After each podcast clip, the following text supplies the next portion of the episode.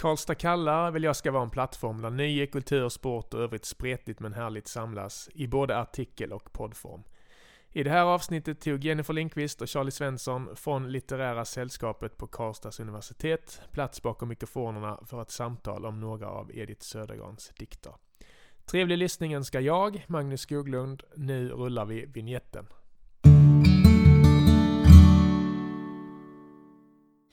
Välkomna till Karlstad kallar litteratur och jag som pratar heter Jennifer Lindqvist.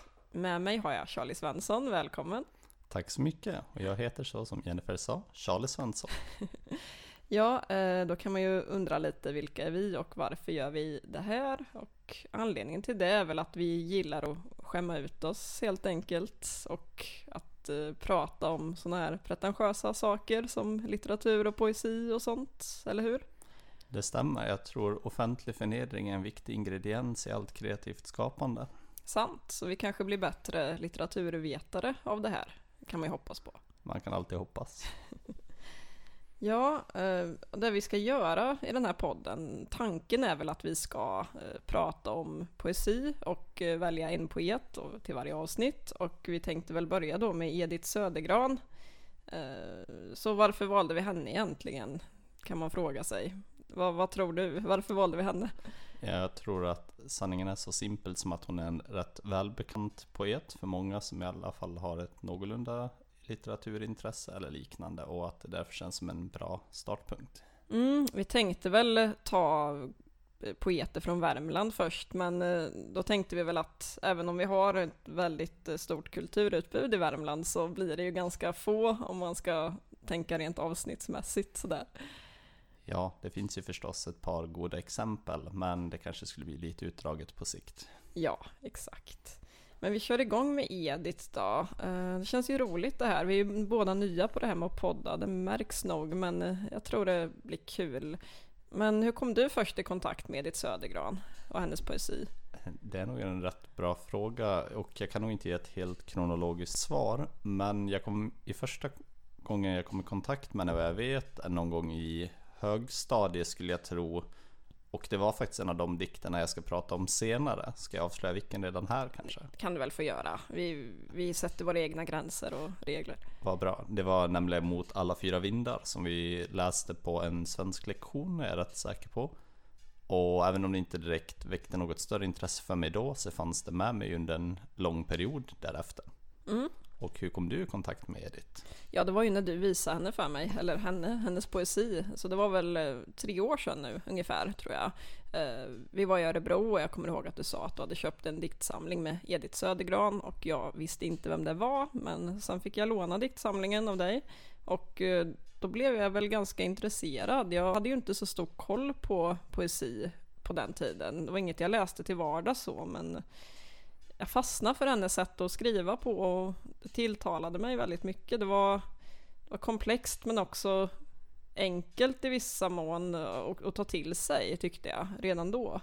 Sådär. Men eh, alla kanske inte är bekanta med vem Edith Södergran är. Hon är väl lite på tapeten nu för att hon var ju med i det här programmet helt lyriskt. Eller hon var ju inte med, hon är ju död sedan länge. Men eh, hennes poesi var med och Molly Sandén gjorde en, en eh, en tolkning av hennes dikt Verge Moderne.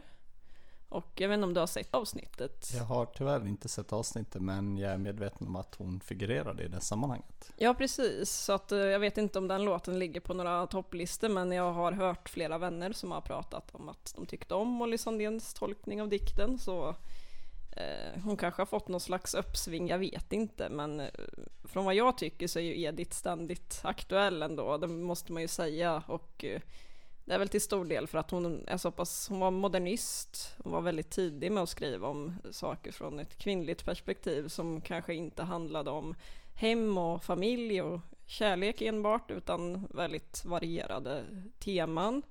Och eh, en väldigt stark egen röst får man väl ändå lov att säga eh, att hon har.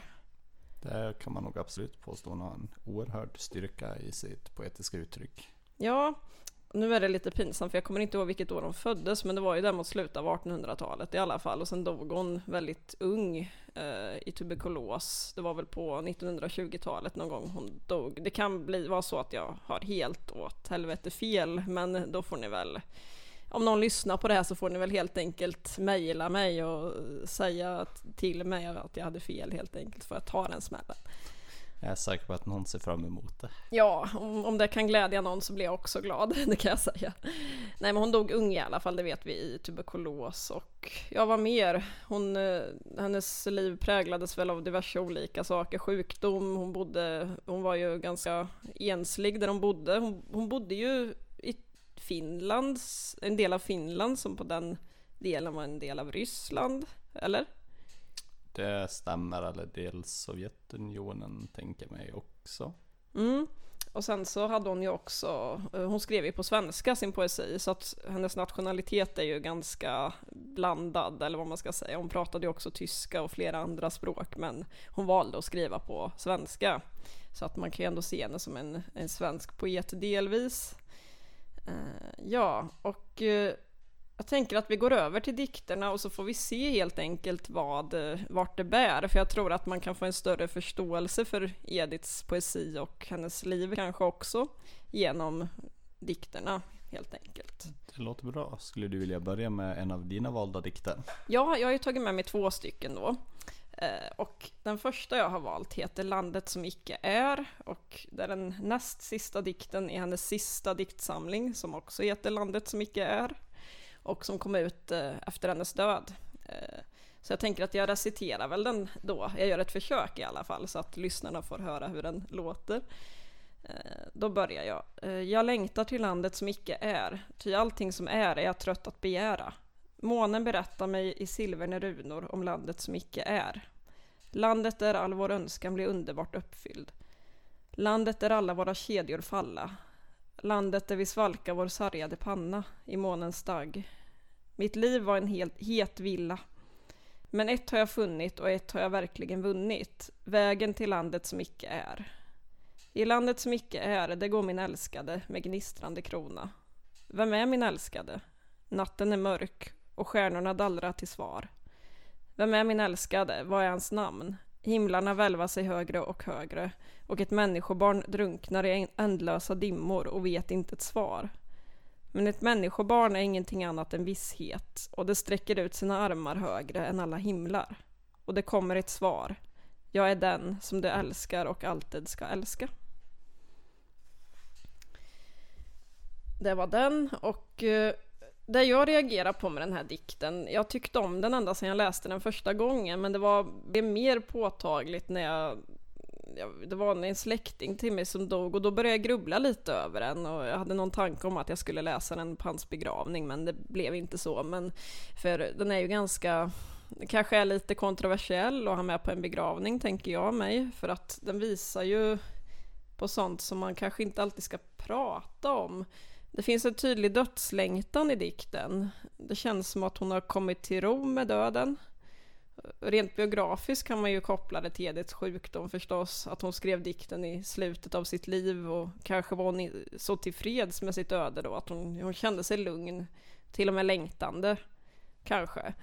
Eh, men man ska inte dra för mycket biografiska kopplingar heller, tänker jag, men det är ju en ganska rimlig tanke. Och jag ser vissa likheter mellan den här dikten och en annan av en känd svensk poet, Nils Ferlin. Eh, jag tänkte jag skulle läsa upp den också så får vi se eh, vilka likheter och skillnader vi hittar. Ja, det blir bra.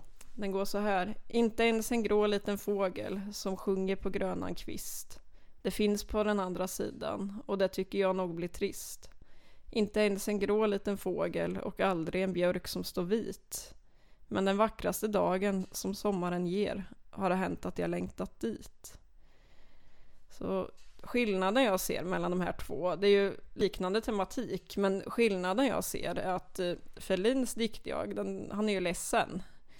Eh, han tycker att den andra sidan, det här okända landet, verkar tråkigt. Eh, för i hans värld finns ingenting där att se fram emot, ingenting som är estetiskt vackert. Men ändå längtar han till den där tomheten. Och det tyder ju på att han inte är särskilt tillfreds med sitt jordliga liv. Trots allt vackert som finns i det. Men i Ediths dikt så är det här landet som icke är en slags befrielse. Hon skriver att våra kedjor falla, att man får svalka sin sargade panna där. Det tyder ju också på att livet har behandlat henne illa. Eh, eller att hon själv har misslyckats med att uppnå vad hon vill ha av livet. Det säger hon ju själv i början också, att allting som är är trött att begära. Det tror jag kan vara ganska kontroversiellt i någon mån ändå, att man, man längtar till döden, eller till efterlivet rättare sagt. Eh. Om jag får flika in lite där. Jag upplever personligen att eh, en av de stora skillnaderna mellan Ediths Landet som icke är och Felin är att jag tycker att Landet som icke är i någon mån i alla fall präglas av en sorts eh, kristen tanke om efterlivet eller och även en kristen nästan mystisk ådra. Framförallt de bitarna som går i landet som icke är, där går min älskade med gnistrande krona. Vem är min älskade? Natten är mörk och stjärnorna dallrar till svar. Vem är min älskade? Vad är hans namn? Himlarna välvrar sig högre och högre och ett människobarn drunknar i ändlösa dimmor och vet inte ett svar. Det tänker jag att påminner väldigt mycket om, alltså, ska man säga, typiska kristna drag och framförallt eh, referenserna till den mörka natten. Att det, hon ser lite jordlivet som att det har varit sin prövning och förhoppningsvis, eller hon tycks uppleva en förhoppning att den snart är slut och att hon ska få en belöning mer eller mindre. Alltså att komma till någon form av paradis eller ett positivt efterliv i alla fall. Jag håller verkligen med dig där, för att jag har tänkt på det där. Jag älskar ju den här Ferlin-dikten. Jag tycker den är fantastisk. Och jag funderade ett tag på att eh, ha den på min framtida gravsten. Det är inte så att jag planerar att dö nu, men eh, man måste ju tänka framåt, eller hur? Rätt morbid skulle nog många säga, men Ja men det är det jag tänker att den passar ju inte, inte för mig som ändå tror på efterlivet. Eh, förstår du vad jag menar? Jag förstår och jag håller med. För det jag tolkar nog också Flynn som en väldigt blek syn både på jordelivet och efterlivet eller möjligheten till ett sådant. Ja, Ferlin längtar liksom efter att, att komma härifrån. Eller Ferlin ska vi inte säga, det är hans diktjag. Ja, men ja, nu förstås. försimplar vi lite för att, ja. Men uh, han längtar ju efter att komma härifrån, ifrån jorden. Men, men, han längtar ju inte direkt. Han längtar, säger han till andra sidan. Men han vet väl kanske inte riktigt varför. För att få lugn, för att få slippa plågorna här kanske. Men Edith, hon ser ju verkligen fram emot det här som att eh, nu äntligen, mitt liv har varit en het villa och sådär. Eh, hon är trött på att begära allting som är. Hon är trött på det materiella, på det som finns, där vi kan ta på, röra vid andra människor kanske. Hon längtar efter någon sorts andlig frid. Jag tycker det är en väldigt stark dikt.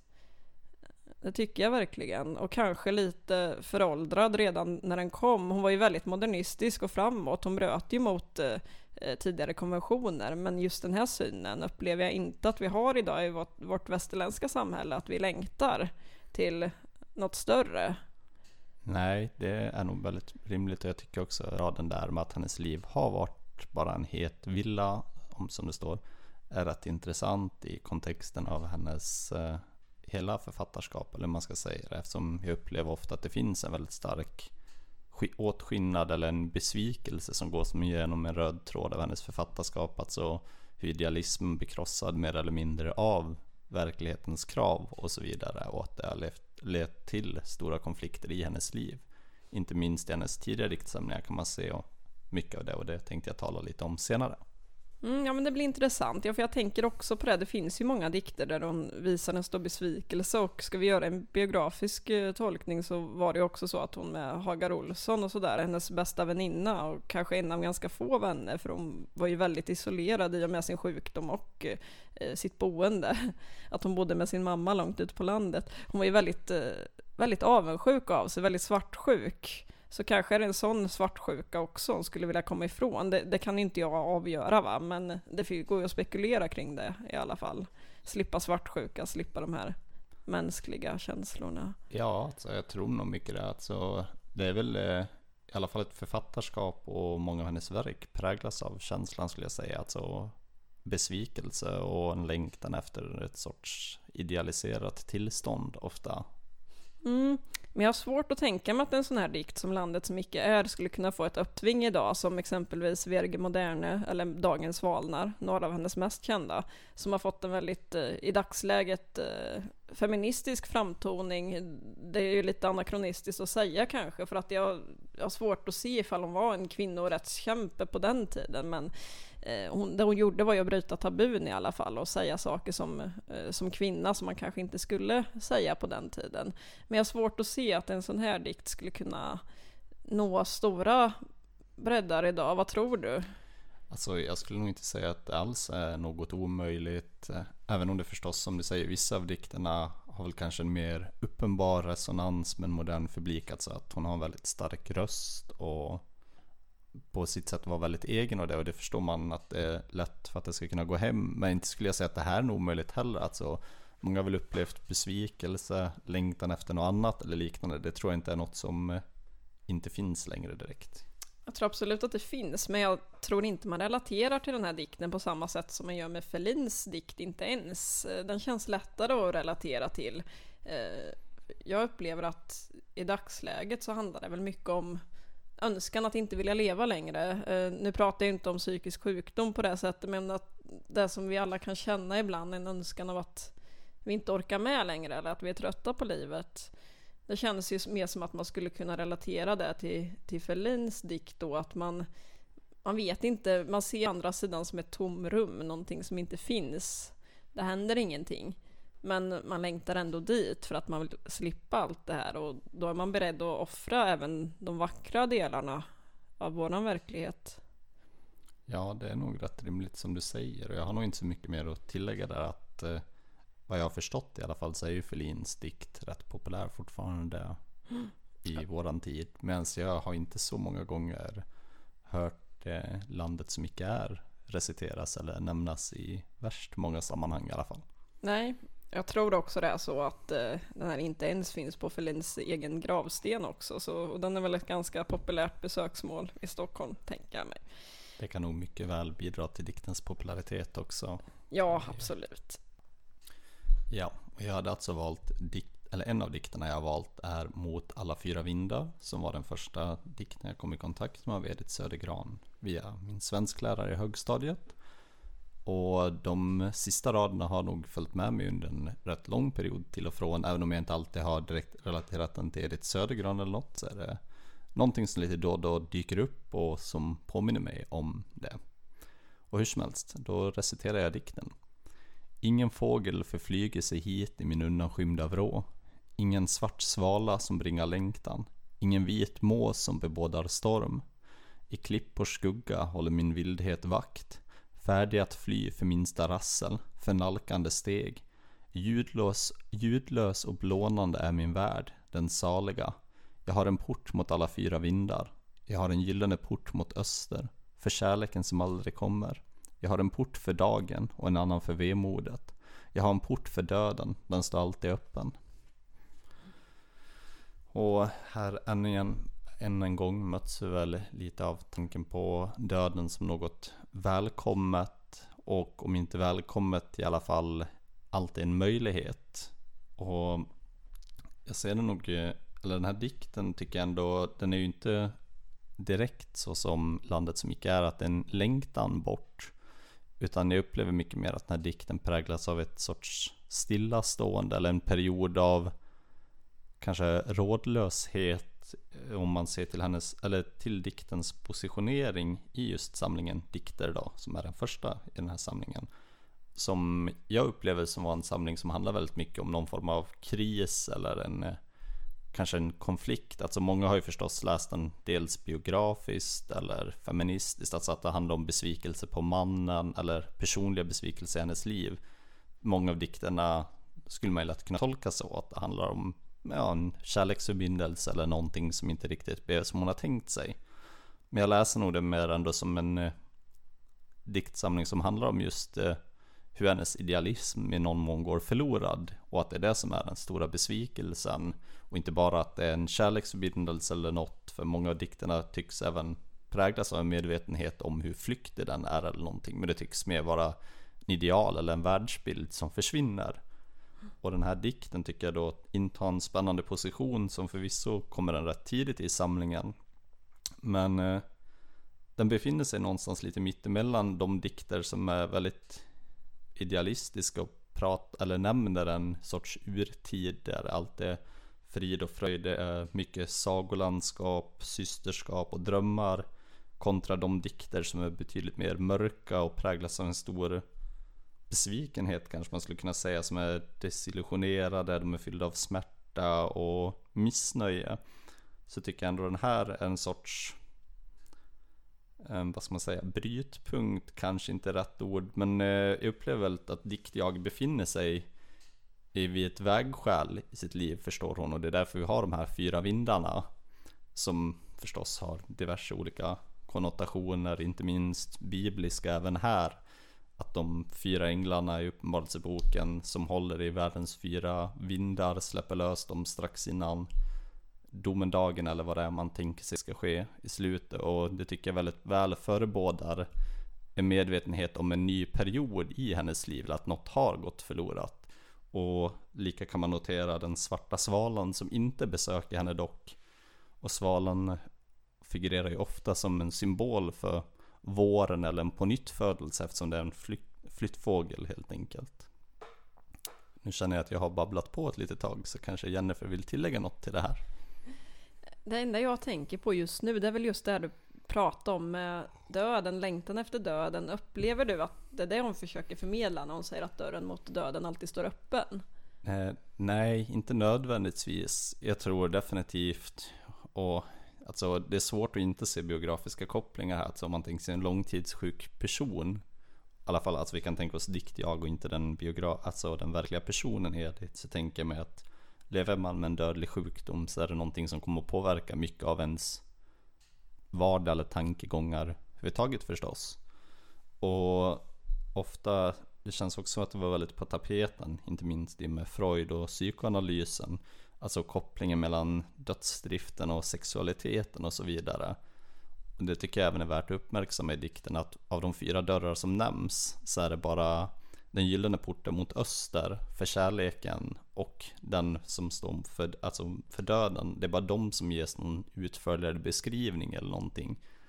De andra två nämns bara på en enda sammanslagen rad och just den kopplingen då mellan det erotiska och döden känns rätt tydlig. Alltså medvetenhet som kanske börjar växa fram där, slutet av 1800-talet, början av 1900 Alltså hur, men, alltså hur människans psyke är på något sätt sammantrasslat, att vi har en stark dödsdrift och sånt. Så jag tror inte det är så att hon direkt tänker på att ta livet av sig, men hon kanske ser att den är en del av hennes egna begär på något sätt. Mm. Alltså diktjaget, jag ska inte spekulera vad Edith själv tyckte. Nej, det är bäst vi alltid specificerar, obs, det här är inte en biografisk tolkning. Nej men ja, jag tycker det är en intressant eh, analys du ger för att det, det kopplar ju an mycket till modernismen också och vilken period hon levde i och man märker ju väldigt tydligt det att eh, Ja, att hon har tagit efter de här sakerna och var väldigt tidig med att lägga märke till sånt som många andra svenska kanske inte, svenska författare och poeter vid den tiden kanske inte la märke till. Det är väl därför hon läses än idag, tänker jag, att hon var så tidig. Hon var liksom en pionjär ändå i Sverige i alla fall. Så det är väldigt spännande. Uh, se, var det något mer jag tänkte på? Om jag får ju också en liten inpass där som jag, kör. jag tycker bidrar till den här känslan att det är en person som är vid ett vägskäl eller något. Hon kanske förstår att någonting har gått förlorat. Vilket är väldigt tydligt redan i samlingens första dikter att någonting har ju förstås hänt, någon form av besvikelse. Så jag tänker att eh, ljudlös och blånande är min värld, den saliga. Att det är någonting som försvinner, den blir mer och mer avlägsen som blånande antyder att hon har befunnit sig i någon sorts salig urtid eller något men är på väg bort från den. Mm, just det. Men ska vi bara dra lite kort här, vad, vad är det man brukar se som typiskt för Edith? Vad brukar känneteckna hennes poesi egentligen? Vilka olika drag? Oj, är du ute efter något speciellt här? Det var några jag funderade på. Alltså man brukar ju prata om det här alltså utöver sjukdomen och modernismen och event den eventuella kvinnokampen brukar man ju prata om också hur hon lämnade sitt eh, fosterland, var tvungen att lämna sitt fosterland. Mm. Eh, och det tänker jag lite grann på, och där har hon ju flera dikter som, som handlar om, och jag kommer inte ihåg vilken samling, men hon har en som heter Fragment i alla fall, där hon besjunger Sankt Petersburg, som hon ju har varit tvungen att lämna i och med revolutionen, och att de, hennes familj blev fattig och sådana saker. Eh, det är ju ingenting man måste veta om när man läser de här dikterna, ska ju tilläggas. Man måste ju inte känna till Edith Södergrans personliga historia. Men man ser ju ganska många drag när man läser poesi på gott och ont från, eh, från eh, poeten eller författarens eh, liv. Och i vissa fall kanske det är bättre att inte känna till de här dragen. Vad tycker du? Jag vet inte riktigt. Eh, det var lite som du var inne på redan i början tror jag. Du nämnde det att trots att de bodde då i den finska Karelen, eller ja, om det var under rysk eh, styre eller inte, det låter jag vara osagt, så skrev hon ändå på svenska. Det tycker jag ändå är rätt intressant. Att eh, hon skriver just på ett språk som kanske inte är helt hennes eget eller det som talas i omgivningen och bara det lär väl vara en källa i någon mån till ett främlingskap kan man tänka sig. Mm.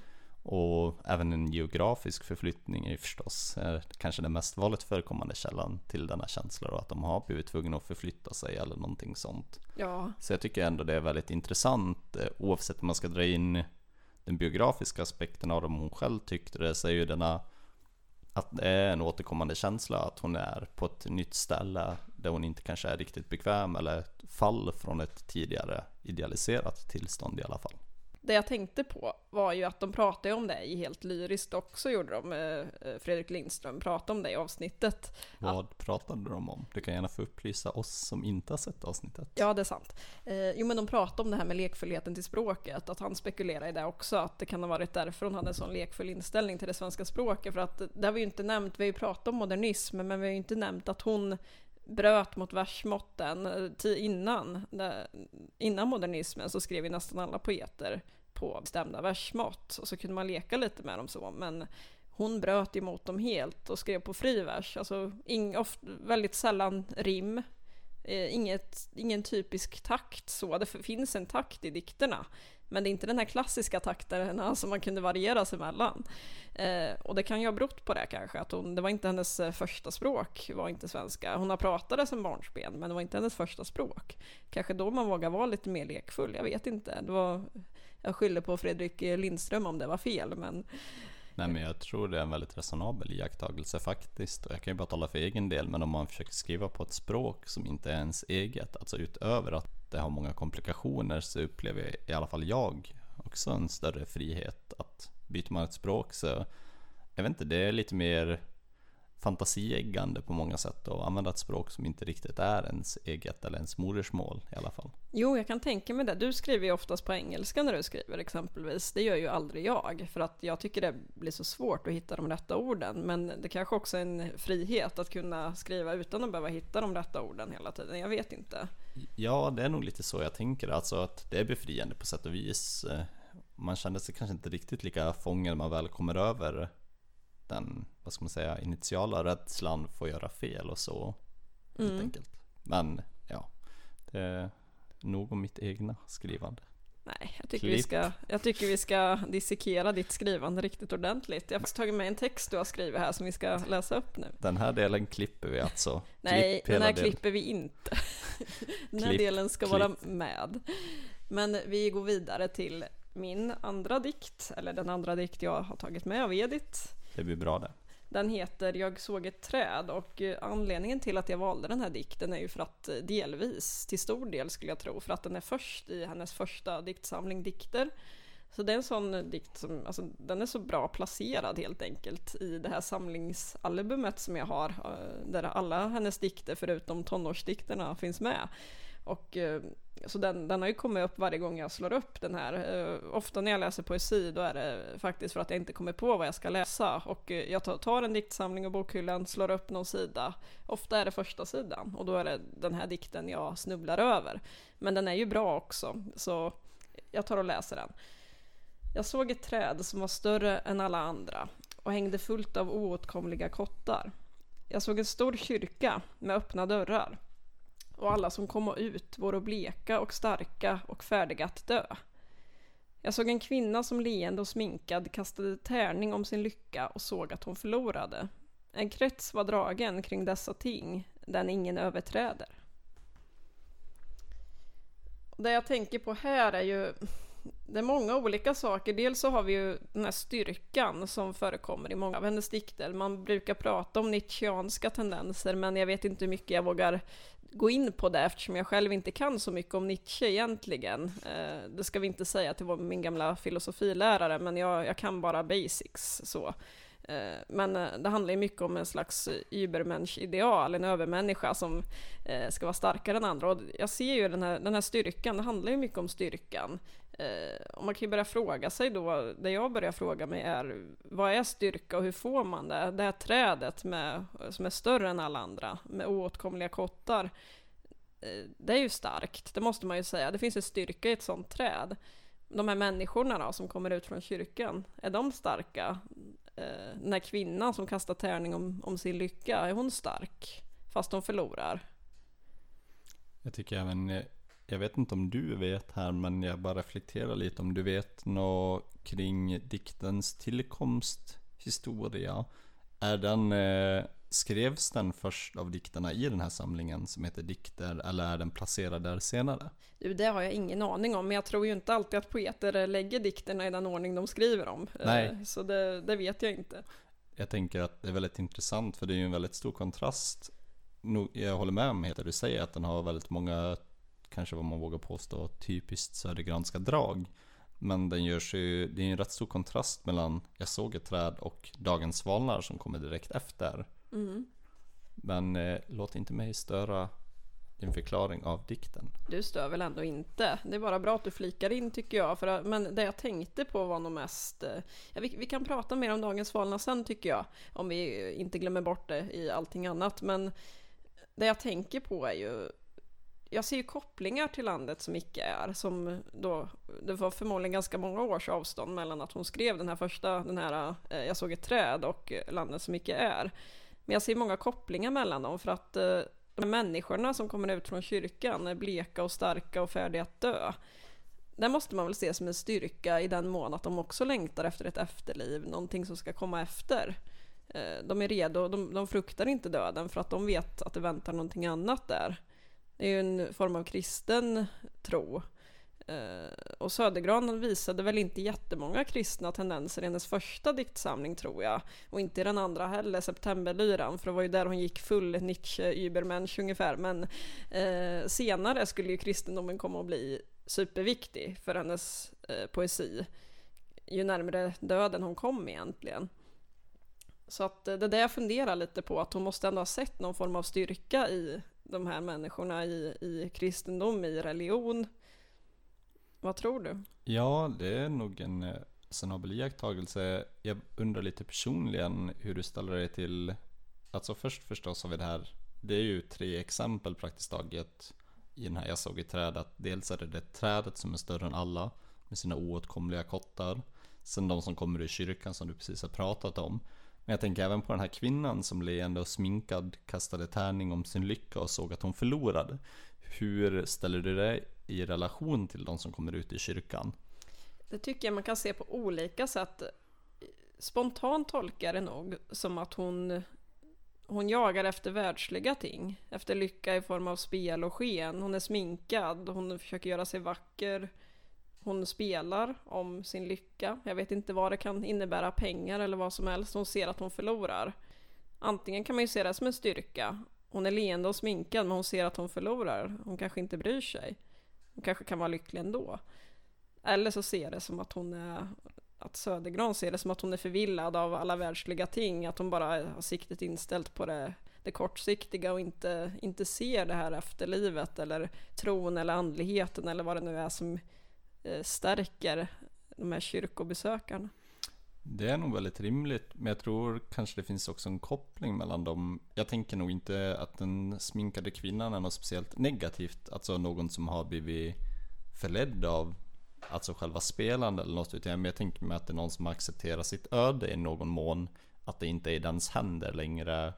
Hon har redan, alltså tärningarna är kastade och därmed så är det utom hennes kontroll.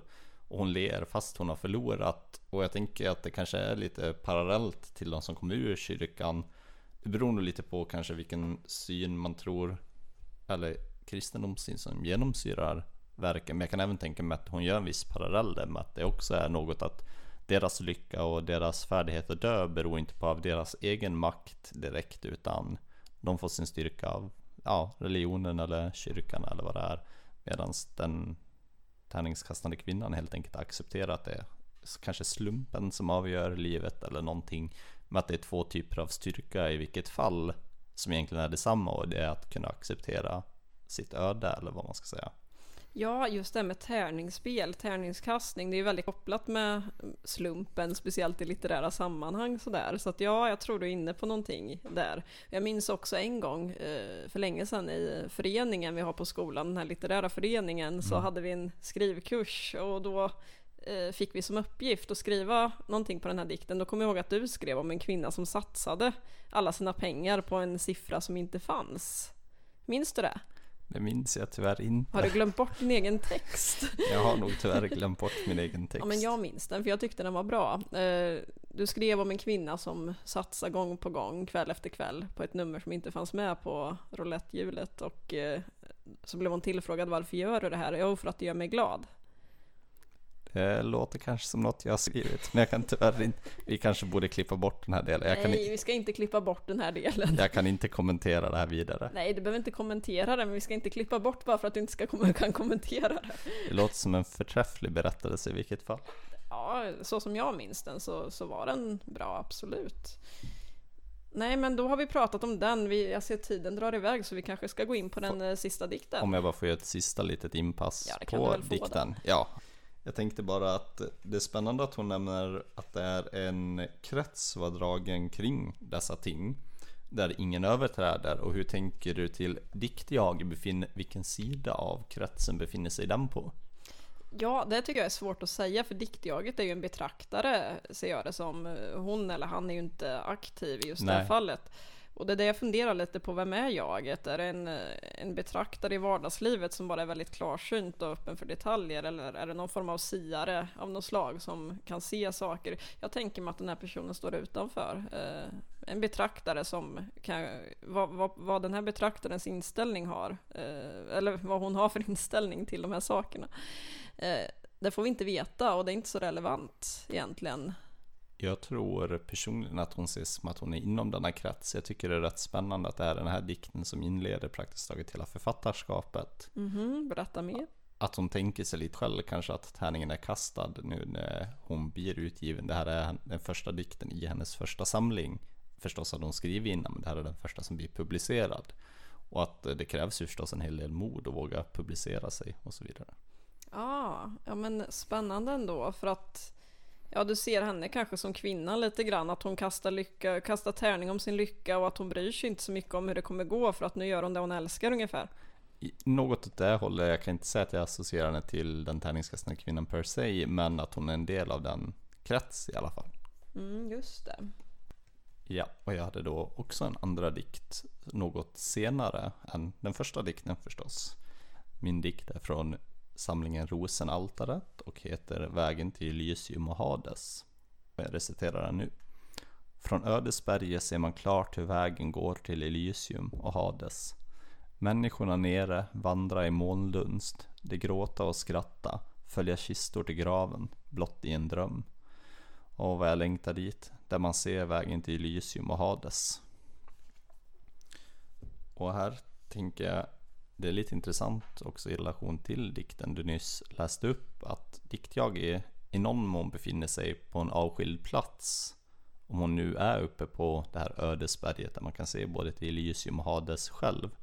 Klart är i alla fall att hon inte är en del av den vanliga befolkningen eller människan utan hon har en upphöjd betraktarposition kan man ju definitivt säga.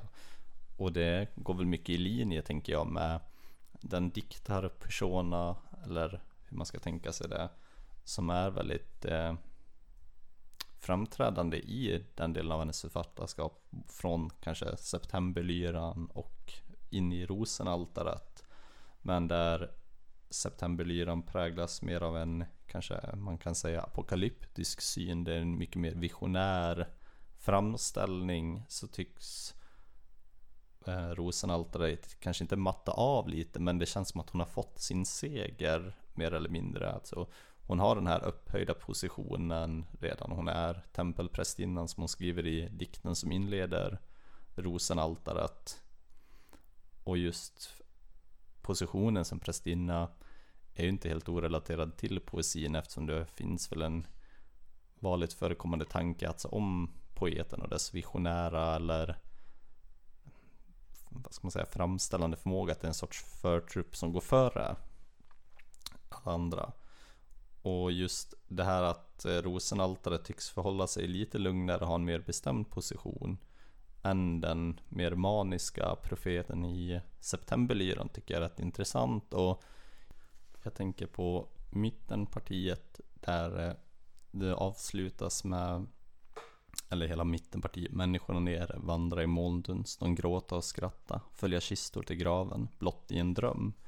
Det tänker jag mycket på det klassiska stycket av Pindaros som var en av antikens främsta skalder och kanske hans mest berömda, nu vet jag inte om man kan kalla det bevingade ord vid det här laget, men som ofta lyder så här i alla fall. En dags varelse, vad är någon, vad är ingen? Skuggan av en dröm är människan. Och det är ju ett av hans första olympiska orden här. Och man får tänka att kontexten som den uppkom i, alltså Pindaros olympiska orden, är nära också förknippat med segern. För man, ut, eller man gjorde de här dikterna som en sorts beställningsverk åt segern i de olympiska spelen. Och jag tänker mig också att Edith här, eller diktjaget, upphöjer sig lite till den här positionen av en segrare. Därför hon tar plats på det här upphöjda berget, ödesberget. Som för all del kanske lika gärna kunde ha kallat Olympos eller Panassos eller liknande. Och därifrån ser hon hur livets vägar går och det ger den här upphöjda positionen. Men det stämmer ju verkligen för att i och med hennes andra diktsamling Septemberlyran och den tredje Rosenaltaret, det var ju då hon gick lite banana som man kan säga och eh, alla tyckte att hon betedde sig ganska märkligt i recensioner och liknande. Och eh, hon ser ju sig själv rätt mycket som någon slags övermänniska eller någon, en, hon ser sig själv i position som diktare, som någon som står över alla andra. Alltså, jag skiljer mig från er, för jag är för mer än er, skriver hon i en av sina dikter exempelvis. Och jag tänkte att jag skulle läsa upp det här eh, inledningen till Septemberlyran, för jag tycker den passar i den här kontexten. Jag gör det. Det är någonting hon har skrivit för att svara på svara kritikerna. Att min diktning är poesi kan ingen förneka. Att det är vers vill jag inte påstå. Jag har försökt bringa vissa motsträviga dikter under en rytm och därvid kommit underfund med att jag besitter ordets och bildens makt endast under full frihet, det vill säga på rytmens bekostnad. Mina dikter är då tagna som vårdslösa handteckningar.